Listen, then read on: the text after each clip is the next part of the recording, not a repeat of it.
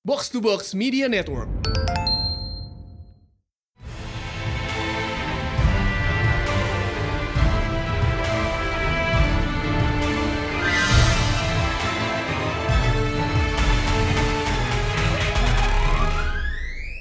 Welcome back to Pretel Panel Show di mana kita bahas komik panel by panel bersama Mindan. Dan High Priest. Ya, eh, sesuai janji kita hari ini menunggangi hype lagi. Selalu memang. Gak apa-apa. Hmm. Memang gitu. Tapi emang topiknya menarik. Aha, Kayak ini salah satu gimana ya? Subgenre science fiction favorit kita sih. Same.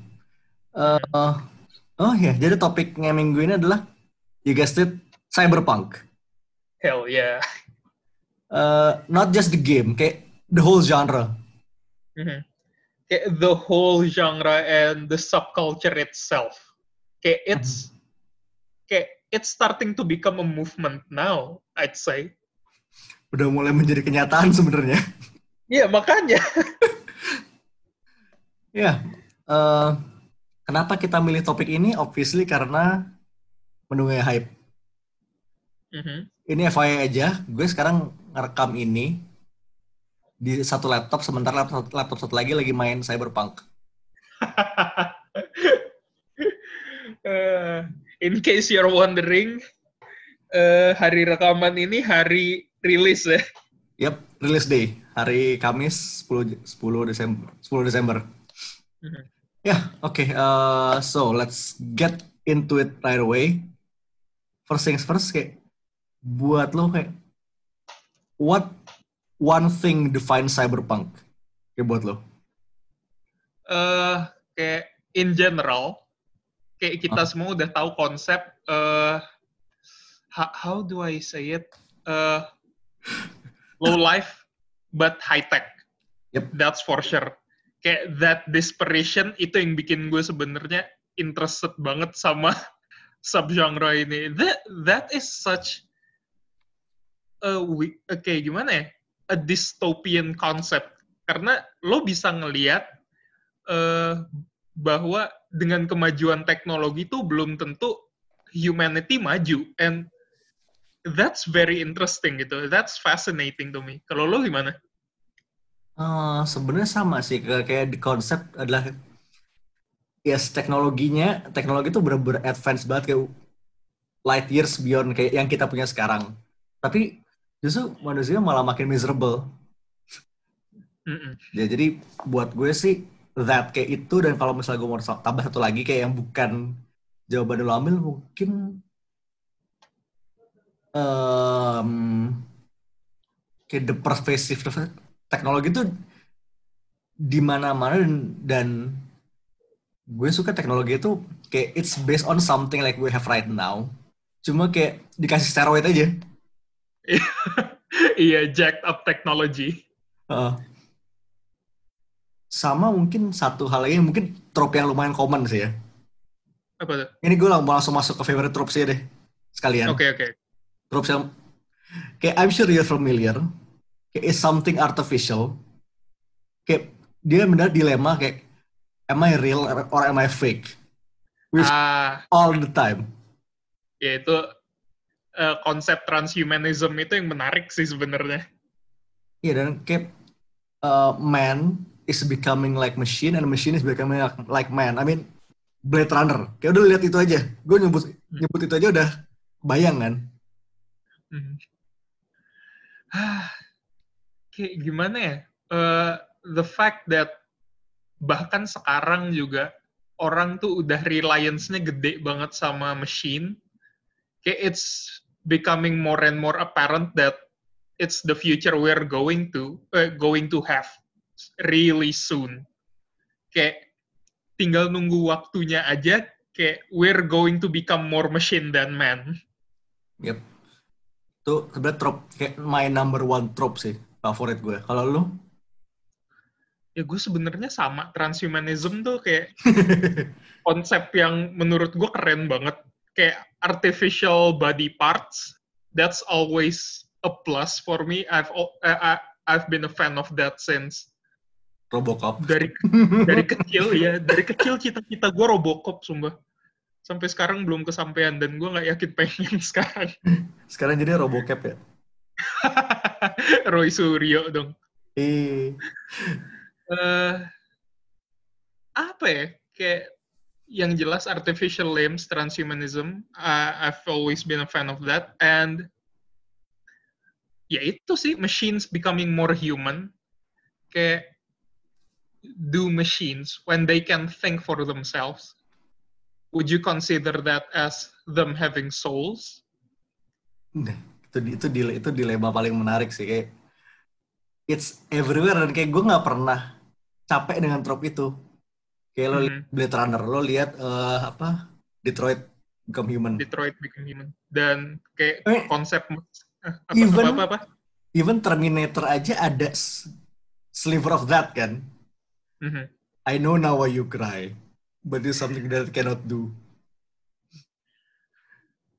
Kayak kalau lu tanya kasus mesin yang having soul dalam tanda kutip yang bikin gue sakit banget sampai sekarang ya it's not cyberpunk per se but machine having soul Iron Giant.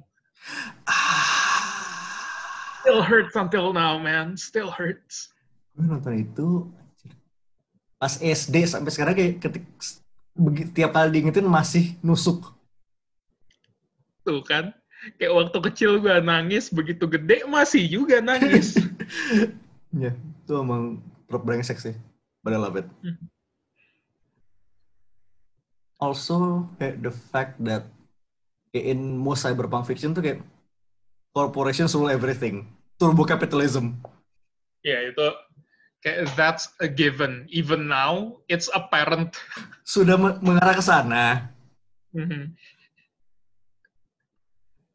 Kayak I wouldn't be surprised kayak kalau corporation pertama yang taking over the world ya Disney. I mean in a way they already have Uh, they already have kayak if you control media you're done. You're basically done.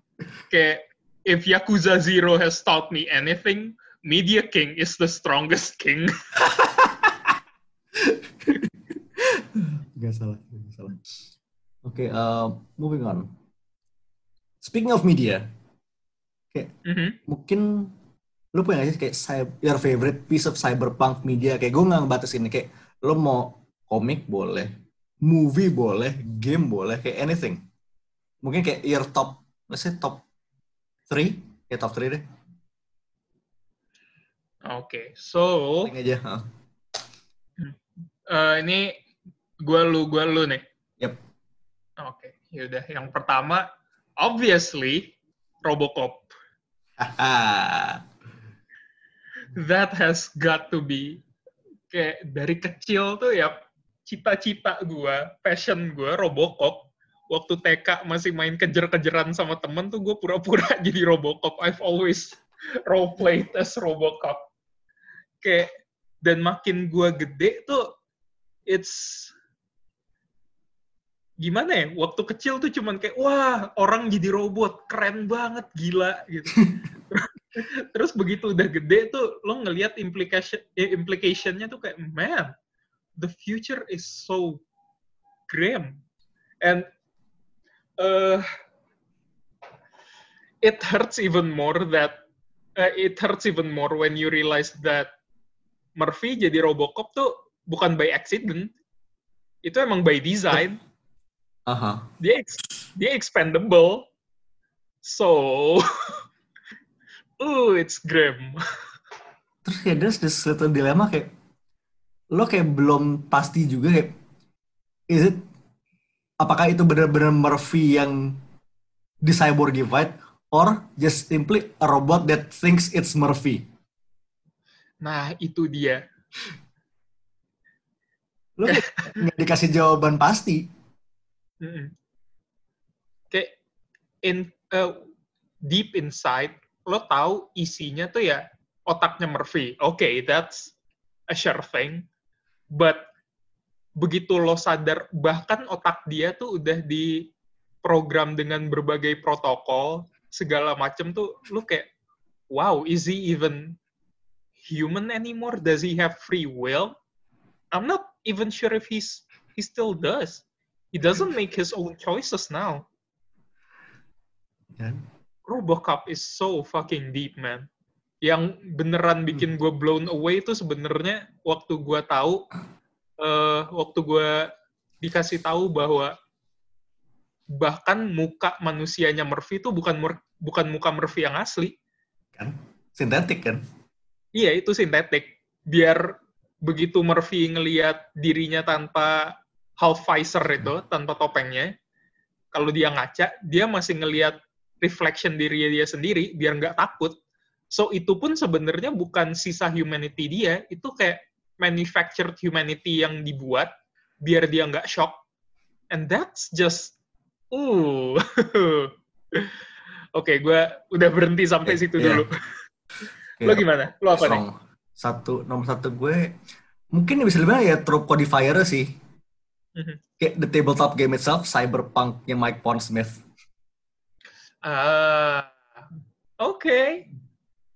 ini sebenarnya foray gue ke sini sebenarnya masih baru banget kayak mungkin 4 sampai 3 bulan at most gue baru bener-bener mendalami kayak memang ya gue udah antisipasi gamenya berapa lama tapi gue baru bener-bener masuk ke lore tabletopnya itu ya sekitar 4 bulanan dan kayak eh, setting eranya kan range dari 2013 Ya, iya pertama keluar tuh Cyberpunk 2013 Ya trailernya.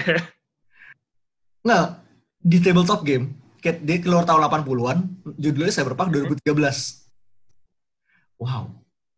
What a time. Oh, really? Iya. Huh. 2013, terus di-update jadi 2020. Lama-lama, lama-lama, lama. Kayak ada beberapa edisi yang kayak di non-canon kan gitu. Baru sekarang Cyberpunk Red baru keluar kan eh, beberapa minggu yang lalu. And Mhm. that's the game, 2077. Dan ya itu game codifier kayak corporations rule everything. Uh, gang violence everywhere. People are losing their minds over too much too much cyberware. Dan itu ya itu juga bisa dibilang yang bikin fondasi the whole like cyberpunk genre that we know of today gitu loh. Mhm. Vis- secara visual dan secara konsep banyak yang ngambil dari situ. The granddaddy of cyberpunk. Dan emang dia tuh yang bikin termnya. Yeah, so yeah, it's cool. It is. Yeah. That's fascinating. Mike Pondsmith is just pure dope kayak. Kalau denger dia ngomong di trailer Cyberpunk tuh kayak yes. That gue bener-bener pengen denger dia di M game gue. Oke, eh, itu gue. Dan lo? eh ini au kayak sebenarnya ini masih debatable whether it's cyberpunk or not. Karena core konsepnya tuh high eh, high tech low life ini mungkin berasa absent di medianya, but fuck it, I'm still gonna mention it. Tron. It's mungkin not exactly cyberpunk, but something punk sih ya. Iya. Karena eh, dulu gue sempet nulis paper tentang ini juga Oh. buat kelas estetika film, buat Oke. kelas estetika film, dan gue research ke mana pun, jawabannya masih ribet karena banyak yang menilai bahwa core konsepnya Tron tuh cyberpunk karena kalau lu nonton di film pertamanya operation tuh jelas ada dan teknologi karena dalam komputer maju banget. But semuanya di situ manufactured dan itu nggak mempengaruhi masyarakat secara global as in in re- real life nggak ada yang kena. So it's debatable but you know what? Still fucking love the aesthetics. And I'm gonna I'm just gonna put it out there it's so fucking good. And it's a shame that we're not getting a third movie. Itu bener-bener itu visual itu sebenarnya salah satu apa ya, konsep visual favorit gue sih. makanya kayak bahkan per- film Tron yang pertama keluar tuh it's still salah satu film yang menurut gue sampai sekarang visualnya hold up dan kalau lu Fair bit of cheese di situ sih ya. Tapi Iya, heeh. visualnya masih dapat. Karena uh, ya kalau lo lihat untuk tahun segitu itu believable banget teknologi masih kayak gitu. Karena ya gini, lo Mhm. ngomong kayak digital world tahun 80-an, pasti image lo kotak-kotak-kotak warnanya biru neon. Iya, great polygon, great polygon, that's all. Iya, dia tuh satu dekade itu ya di capsulize dalam Tron lah. Dan begitu eh, lo masuk ke eranya up- eh uprising sama legacy ya that's udah mulai kelihatan eh, elemen cyberpunknya lebih berasa di situ karena disparity social eh, social disparity di situ somehow between these programs ada so Ah. I guess it would fit Okay, also Michael Sheen does a does a mean David Bowie impression. Yes. yes. Holy fuck, did he? and not to mention Daft Punk just being Daft Punk. Ya, I Good mean, enough. sound- I mean soundtracknya kalau nggak diisi Deva siapa lagi? Uh-uh. Kayak they were made to make soundtrack for these type of movies. Kayak it's so nice of Disney having all these background characters for the Daft Punk movie. Oke, eh, nomor dua gue Hmm. mungkin ya again another granddaddy sih, Apa tuh? Blade Runner. Ah, do androids dream? Karena kayak mungkin gue gue besar itu dengan fiction yang diinspirasi oleh Blade, terinspirasi Blade Runner. Mhm. Baru nonton yang as yang pertama itu mungkin sekitar 4-5 years ago at most. I mean ya mungkin ketika lo ngelihat deriv derivative works dari suatu karya itu mungkin efek pas ngelihat the actual work itself itu mungkin agak underwhelming tapi still masih bagus banget. It still holds up. Kayak bener-bener ya I mean cyberpunk moodnya emang hujan-hujanan lu makan di kayak des apa kaki lima di Iya. tengah gedung-gedung tinggi kayak the street level cyberpunk moodnya itu loh Mhm. kayak uh, as much as gedung tinggi kayak massive corporate owns buildings tuh is cyberpunk tapi the street level kayak lo jalan di pemukiman kumuh kaki lima kiri kanan tuh that's as much cyberpunk as as that gitu loh plus again trope do machine's dream do replicant's dream Mhm. ya eh Blade Runner Officer main main nomor tuh sih berarti lo nomor tiga ya Ya ini ketiga gue. Ini karena lu ngungkit Blade Runner nyambung banget sama third pick gue. ya itu Eh, Ghost in the Shell. I knew it bener kan ya ya, ya. Ketebak banget karena begitu lo bilang mood eh, kumuh dan cyberpunk tuh there is eh, nggak lo nggak bisa ngungkit yang lain selain yang pertama Blade Runner, kedua ya dasar dari segalanya Ghost in the Shell. It's eh gimana ya? Kayak the story itself sebenarnya gue nggak gue biasa aja sama Ghost in the Shell. Kayak I liked it. There was a phase di mana gue cinta banget sama ceritanya Ghost in the Shell. But I've moved past that. But ya itu eh atmosfer dan suasana segalanya tuh masih klik banget di gue kalau lu bilang cyberpunk ke gue yang masuk ke otak gue pertama adalah atmosfernya Ghost in the Shell. Because low life high tech balik lagi ke konsep itu Yep. kelihatan banget di sini. Kayak so cool.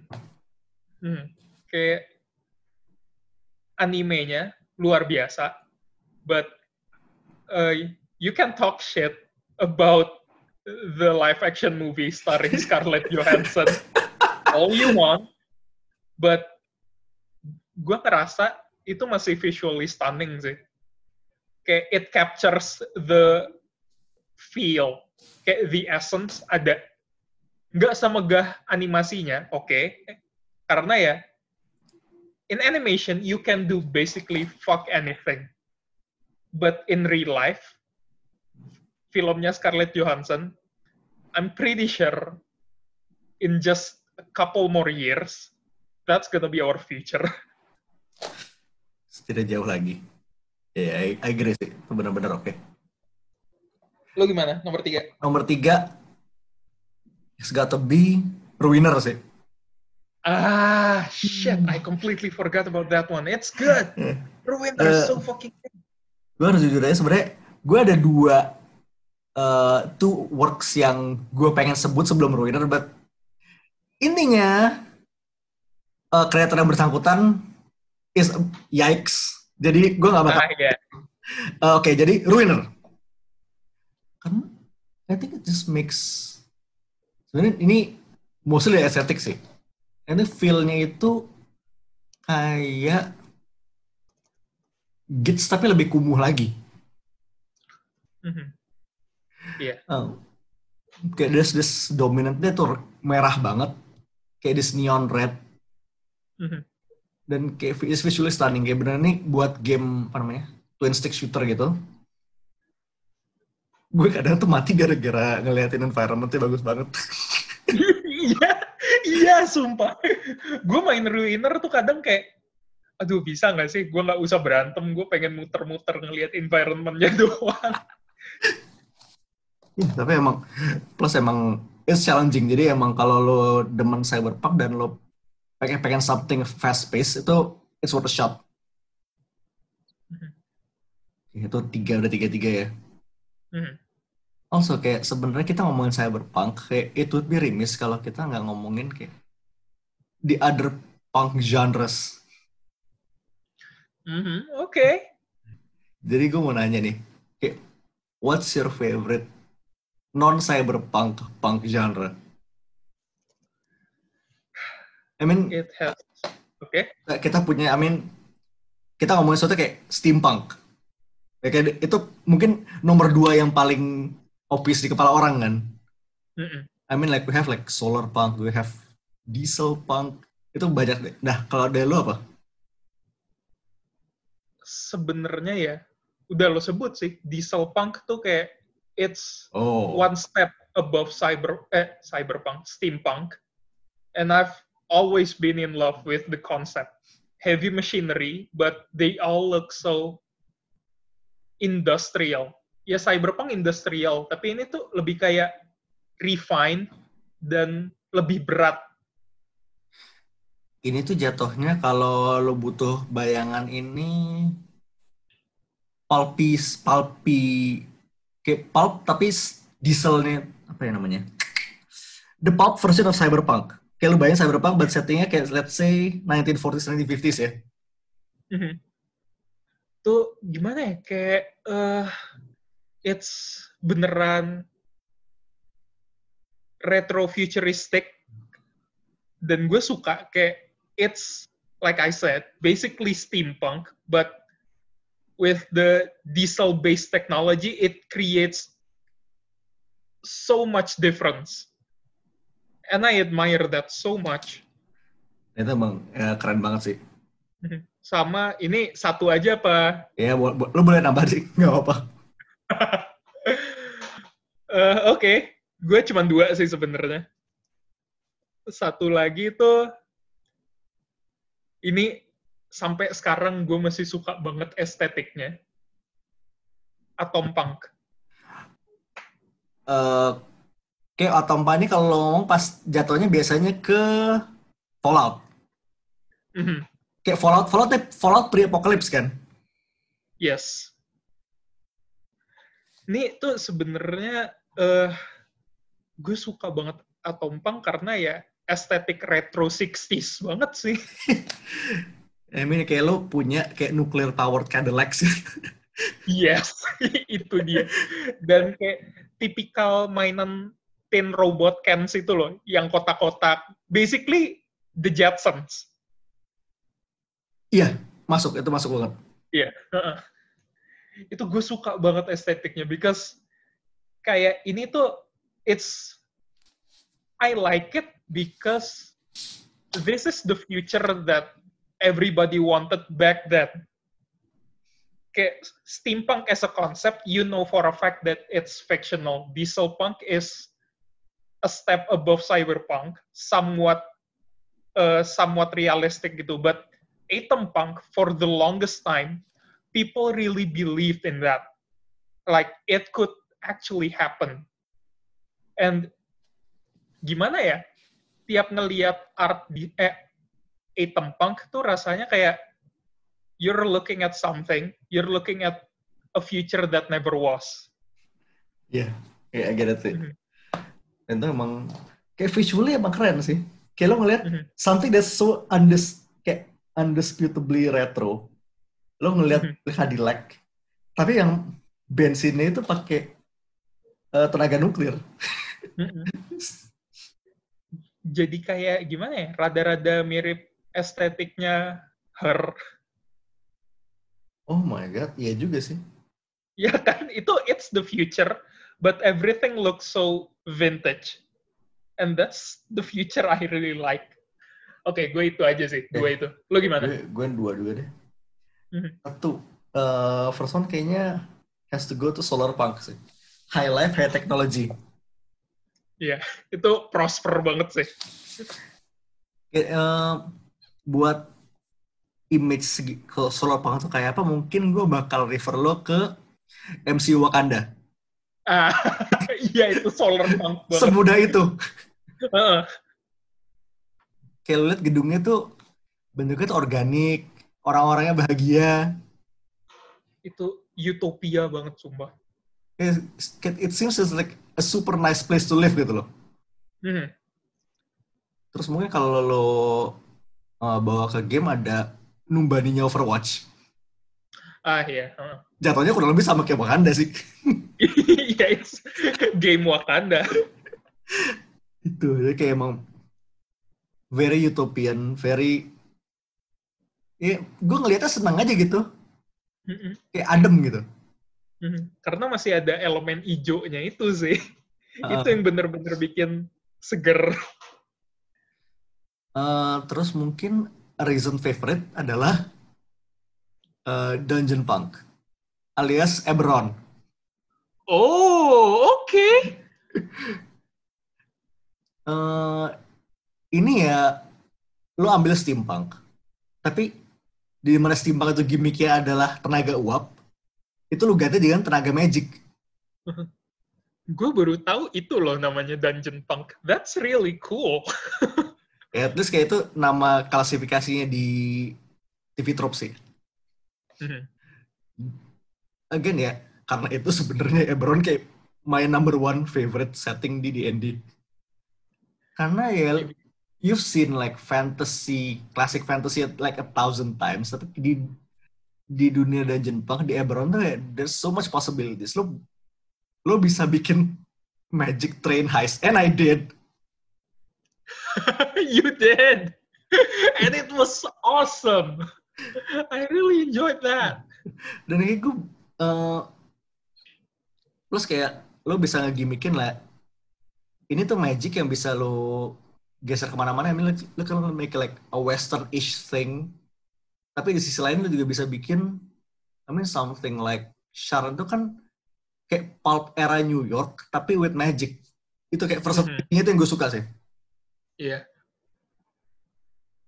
ya that's why Dungeon Punk is cool Dungeon Punk is so cool. oke Ah, oke. oke, terus Didn't think, didn't think of that. Gue baru tahu itu namanya. That's Iya. that's interesting. Iya, gue baru nemu tadi siang nggak bisa research di TV. Oke, eh, maybe for our last bit kita punya beberapa buku komik kayak cyberpunk-ish yang I think it's worth looking looking into. Number Mhm. one, Old City Blues by Giannis Milono Giannis. yes. Ini tuh rasanya kayak love letter ke Blade Runner sama Gits gak sih? Heeh, iya.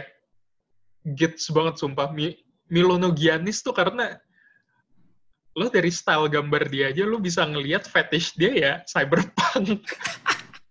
Iya. eh, ini tuh kabarnya Oke, Old City Blues ini basically adalah it's a future cop thing ya, New Athens. Yep. Dan kabarnya tuh mau dibikin jadi series, jadi TV series, cuma belum, cuma Ya production hell sih feeling tidak ada hilalnya. ha? Nah, it's been a while since we last heard the news. Terakhir kita dapat kabarnya ya announcement itu doang kan. Iya, itu bertahun-tahun yang lalu. Mm-mm. Tapi uh, if you like something lagi dari Giannis, dia actually sempat nulis satu cerita, eh gambar satu cerita di, di antologi Gits. Mm-mm. Also, uh, what if X-Men tahun berapa? dulu? 2018 apa nggak salah ya? 17 atau 18. Yang judul X-Men itu. Iya, itu 18 kan? 18. 18 kita kita sempat bahas kan itu tuh zaman-zaman what if rame tuh itu bareng sama what if-nya yang Flash Thompson jadi Spider-Man kan? Betul. Iya, itu 2018 I think. jadi konsepnya adalah uh, X-Men itu hackers. Jadi namanya X-Men. Mhm. It's an executable. Oke, gue pengen marah tuh nggak baca kayak bisa ketemu begitu tapi I like it. Dan desainnya bagus-bagus. itu keren sih. Gue kayak purely for the aesthetic juga sebenarnya keren banget. Terus ada Tokyo Ghost, Trick Remender, Sean Murphy. Ya, emang dari estetiknya emang Murphy itu kalau gambar kendaraan tuh emang selalu ya. Mhm. Murphy itu kalau gambar kendaraan ya sebenarnya emang orgasmic banget sih. Tiap lu ngeliat tuh visual visual orgasm. That's it. That's all. Terus uh, Hard Boiled by I think Frank Miller sama Jeff Darrow. Uh, ini tuh sebenarnya komik yang lumayan agak hidden gem sih. Cuma tiga isu keluarannya Dark Horse. Dan ke lo inget Three kan? Mhm, Iya. Uh, itu lagi. Kayak eh kayak seberapa detailnya quietly gambar itu. yes. big ass action scenes dengan detail yang eh, nggak nanggung-nanggung. Dan gore juga something else. Mhm, Hard boiled so basically that. mhm. Karena si siapa? Jeff Darrow tuh kalau gambar komik tuh nggak nggak ngotak banget. Detailnya tuh brengsek. Seenaknya banget. Keren. Gila itu. Sembarangan talentnya. Terus eh, obviously ini nggak bakal afdol kalau kita nggak nyebut komik eh, komiknya Cyberpunk yang baru baru baru ini keluar sih. Mhm. Dia sempat ada digital komik judulnya Where's Johnny? Also digambar sama Giannis. Emang best boy ya, cyberpunk for life dia. Itu ya itu pendek tapi I think it's pretty good. Kayak investigasi like around the time of the death of Johnny Silverhand. Mhm. Terus Keanu Reeves. Sama Huh. satu lagi masih ongoing kayak final issue kalau keluar minggu depan. Wait. This week berarti at the time of this kayak begi- begitu ini episode keluar. Trauma Team. Cullen Bond sama Valdrama Brothers. Ini unik karena Trauma Team itu kurang lebih adalah EMT-nya Cyberpunk, EMT-nya Night City. Heeh. Kayak what if EMT tapi what if EMT datang itu naik hovercraft and armed to the teeth. Hardcore EMT. Iya. Apa ambulans on steroids itu loh. ya nggak salah sih. Ini tuh lo uh, nelfon tuh kayak oh eight oh nine one nine Mos, mos. Uh, all good stuff. Jadi Mhm. That's cyberpunk. Kayak bener-bener ini Oh sama gue Oh. tambahin satu lagi deh. boleh boleh. Ini gue sebenarnya kayak sempat baca tapi belum kelar. Udah lama banget gue lihat ini. Zaman gue masih tergila-gila banget sama Runaways. Wow, Eh, a while. Iya. Eh Brian K. Vaughan juga. Eh The Private Eye. Oh iya iya Ya, gue bagus Hmm, banget. Gue tuh noir detective story in cyberpunk setting dan gue sebenarnya belum kelar. Gue baru baca kayak I think I'm halfway through, but it's already good and I I'm inclined to believe that it's good until the end. So I'm just gonna put it out there. Ya, eh, I can vouch for that sih. Kayak gue baca itu terakhir berapa bertahun-tahun lalu, tapi it is good. It is indeed good. Okay then, okay, it's settled, it's good. Go read it. So, Sama sebenarnya Hmm? dosa nggak sih kalau kita nggak ngungkit Judge Dredd? Ya gue nggak baca sih, but I'm pretty sure we have to mention it. Oke, gue udah gue gue belum baca semua karena banyak Hmm. banget. I've, read, uh, I've read a couple of stories, but yeah, I think we have to mention Kayak, it. kayak from the couple kayak yang gue baca emang ini yang emang bagus. It is indeed good. Eh, dan bahkan kayak dari semua kayak shithole cyberpunk worlds, mungkin kayak Just Red itu salah satu yang paling shithole. Iya itu the scummiest of all the scums. Kayak buruknya tuh buruk banget tuh. Buluk yang bener-bener dekil.